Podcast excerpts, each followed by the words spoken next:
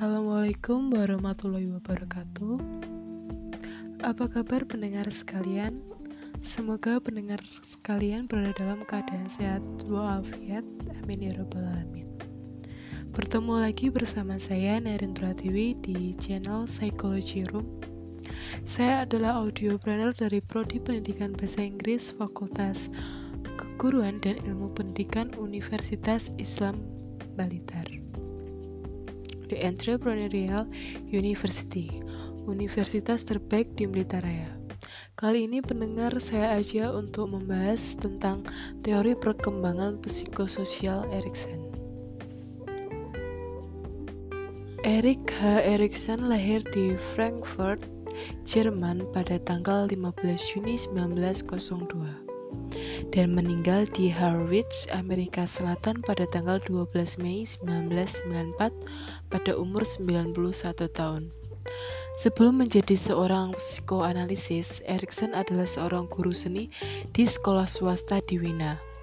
Setelah perkenalan dengan Anna Fred, putri Sigmund Freud, Erikson mulai mempelajari psikoanalisis di Wina Psychoanalytic Institute. Teori perkembangan psikososial Erik Erikson ini merupakan pengembangan lanjut teori perkembangan Freud. Selain tidak terbatas sampai masa genital saja, juga Erikson adalah murid Freud.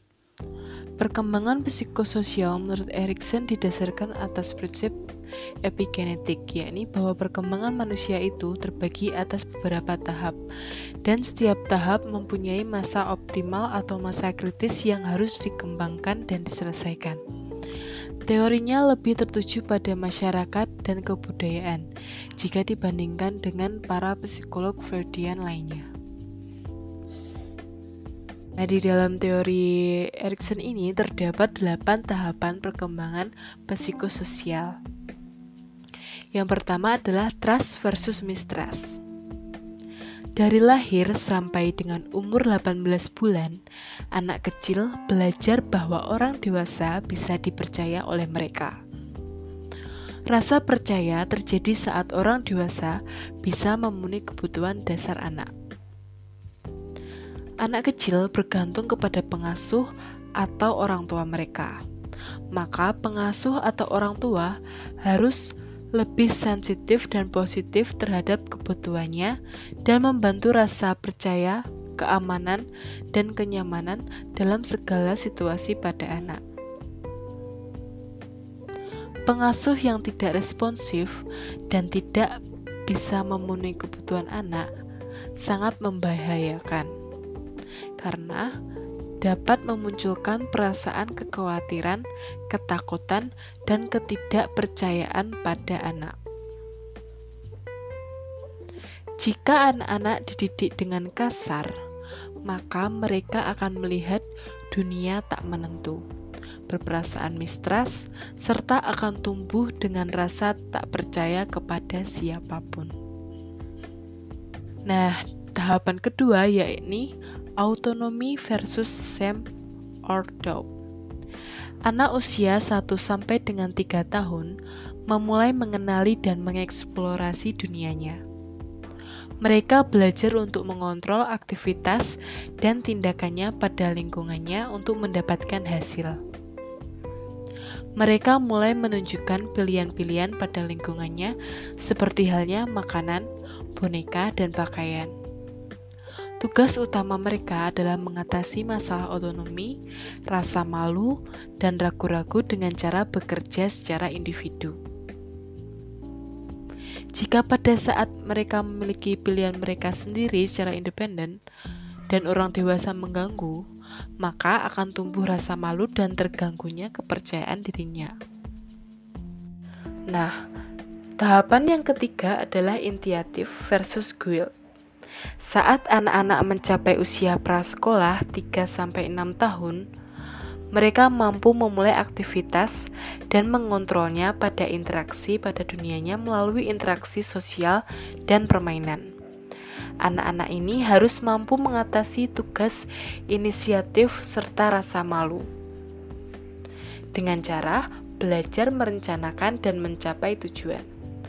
Sementara mereka berinteraksi pada aktivitas mereka dan mampu menjalankan tugas tersebut. Inisiatif atau kecenderungan, ambisi, dan tanggung jawab terjadi pada saat orang tua mengizinkan dan mendukung pilihan-pilihan mereka. Mereka akan membangun rasa percaya diri pada diri mereka Kontrol yang berlebihan dari orang tua akan membuat mereka merasa bersalah. Nah, tahapan yang keempat adalah industri versus inferiority. Saat usia sekolah dasar 6-12 tahun, anak menghadapi fase industri dan inferiority.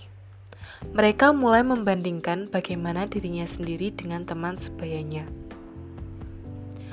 Mereka membangun rasa kebanggaan dan prestasi mereka seperti pekerjaan sekolah, olahraga, aktivitas keluarga, dan kehidupan keluarga, atau bahkan mereka merasa interior. Tidak berguna karena mereka tidak sebanding dengan teman-temannya. Jika anak-anak tidak belajar untuk berdampingan dengan anak lainnya atau memiliki pengalaman negatif, baik di rumah dan di sekolah, maka dapat terjadi terbangunnya inferiority complex sampai mereka dewasa dan tua. Nah, tahapan yang kelima adalah identity versus roles confusion. Pada usia dewasa 12 sampai dengan 18 tahun, anak memasuki tahap perkembangan tugas identity versus roles confusion. Mereka memiliki tugas utama membangun a sense of self, memahami siapa dirinya dan apa yang ingin dikerjakan dalam hidupnya. Mereka mencoba melakukan berbagai kegiatan self yang berbeda-beda, seperti ide, pencapaian tujuan, dan eksplorasi aktivitas kedewasaannya. Bagi yang berhasil pada tahap ini, mereka akan memiliki identitas yang kuat dan akan mampu menghadapi masalah serta menanggapi persepsi orang lain. Saat mereka apatis dan tidak mau mencari identitas diri atau dipaksa untuk selalu mengikuti orang tua, sangat dimungkinkan mereka berkembang dengan a weak sense of self and experience role confusion. Nah, pada tahap keenam, yakni intimacy versus isolation.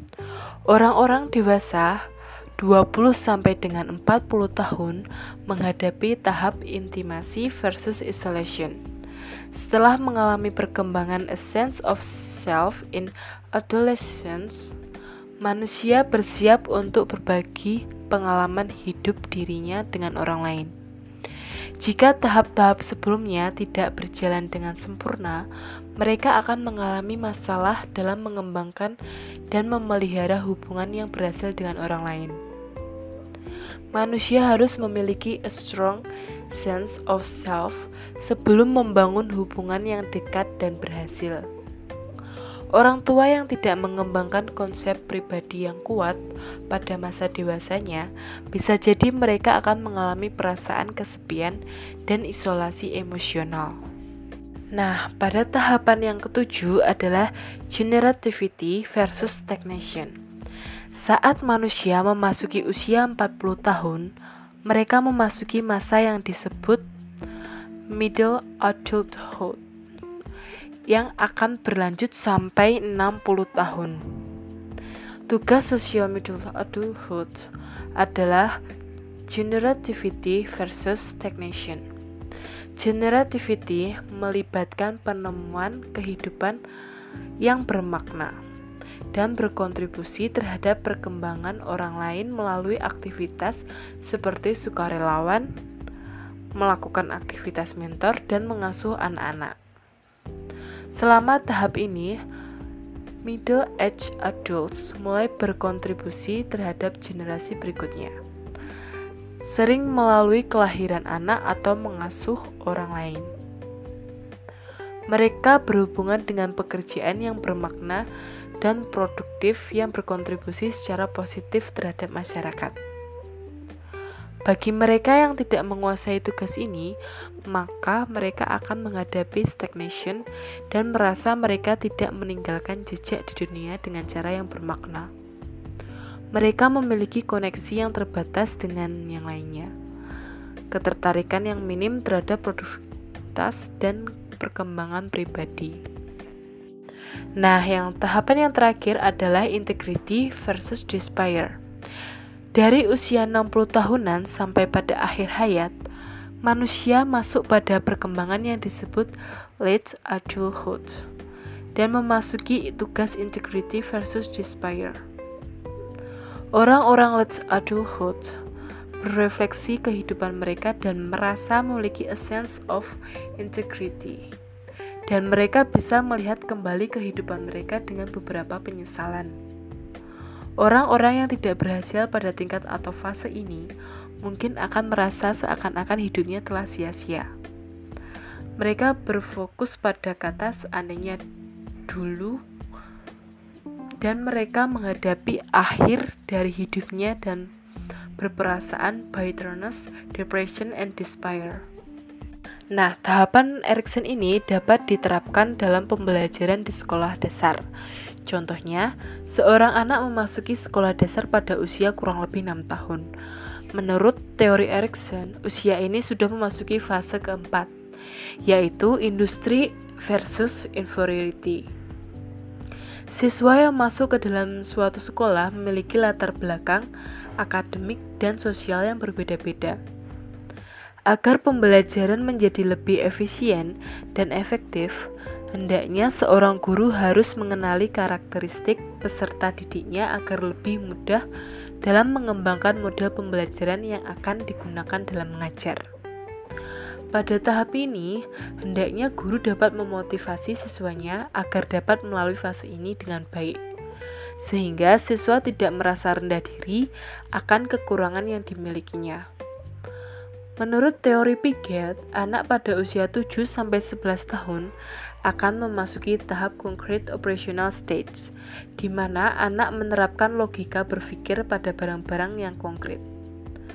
Pembelajaran karakter sangat tepat diterapkan pada usia ini, sebab anak pada usia ini cenderung untuk meniru segala perbuatan maupun perkataan yang dilihat maupun didengar yang dilakukan oleh orang-orang yang berada di sekitarnya. Oleh sebab itu, hendaknya seorang guru mampu memberikan contoh yang baik kepada anak usia ini dengan berperilaku dan bertutur kata yang sopan. Pembelajaran karakter ini diharapkan dapat menjadi bekal bagi siswa dapat melewati fase-fase perkembangan psikososial selanjutnya dengan baik. Baik pendengar, sepertinya sudah cukup saya menjelaskan. Banyak sekali pembahasan saya pada hari ini mengenai teori perkembangan psikososial Erik Erikson. Baik, saya tutup podcast saya hari ini. Jika ada kurang atau lebihnya, saya mohon maaf. Terima kasih atas kebersamaan dengan saya. Salam sehat dan salam entrepreneur Unisba, kreatif, integratif, inovatif, energetik. Sampai jumpa.